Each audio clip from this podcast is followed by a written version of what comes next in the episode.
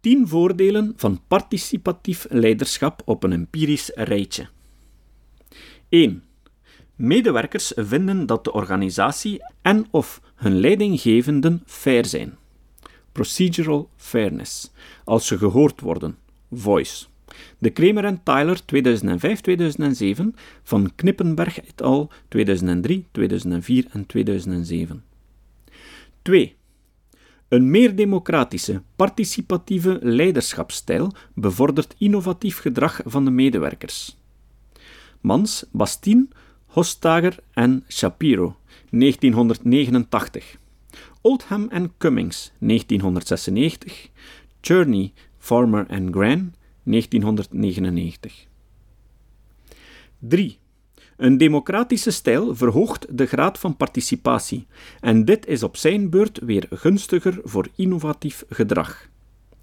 Gibson en Shelley 2004, Shipton et al. 2006, West en Anderson 1996. 4. Groepsbeslissingen gebaseerd op gelijkwaardigheid leiden tot kwalitatief betere beslissingen die bovendien ook nog sneller worden uitgevoerd. Draagvlak. Dayon en Dayon 2008. Hill 1982. Katzenbach en Schmidt 2000. Schooley, Kirkpatrick en Locke 1995. Nut 2002. Williams en Sternberg 1988. 5. Participatie is een van de elementen om een grotere werknemerstevredenheid te creëren. Recent onderzoek bevestigt het oorzakelijk verband tussen werknemerstevredenheid en betere financiële resultaten voor bedrijven. Brief Weiss 2002. Gradwich, Blokke en Ratner 2005. Harter, Schmidt en Hayes 2002. Pritchard et al. 2008. 6. Werknemerstevredenheid, een gevolg van participatie, leidt tot minder ziekteverzuim en minder verloop.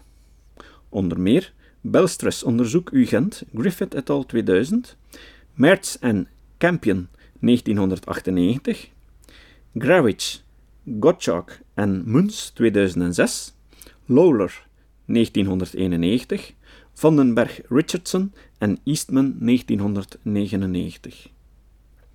7. Participatie voldoet aan de drie psychologische basisbehoeften van de mens, volgens de self-determination-theorie. Participatie leidt tot gevoelens van verbondenheid, communion, van autonomie, agency, en van competentie. Dit leidt tot een grotere intrinsieke motivatie. Voetnoot: de originele definitie. Intrinsic motivation doing an activity because it is interesting and provides its own reward by satisfying people's basic needs for autonomy, competence and relatedness. Ryan en Dacey, 2000, bladzijde 71. Einde voetnoot. Ryan en Dacey, 2000, Van den Broek et al. 2008. Intrinsieke motivatie leidt dan weer tot meer innovatief gedrag op het werk. Shipton et al. 2006. Sommige academici omschrijven de behoefte om zich competent te voelen ook met de term self-esteem. Dit gevoel van eigenwaarde heeft ook een positieve invloed op de prestaties van de organisatie. Brandon, 1998, Judge, Martocchio en Torresen, 1997. 8. Participatie beantwoordt aan het aangeboren rechtvaardigheidsgevoel van mensen. Fetchenhauer en Jacobs, 2004. 9. Participatie verhoogt de sociale zelfcontrole van groepen en toont daardoor egoïstisch gedrag en slechte prestaties van groepsleden in. Barker 1993, Leiden 1996 en 1999. 10.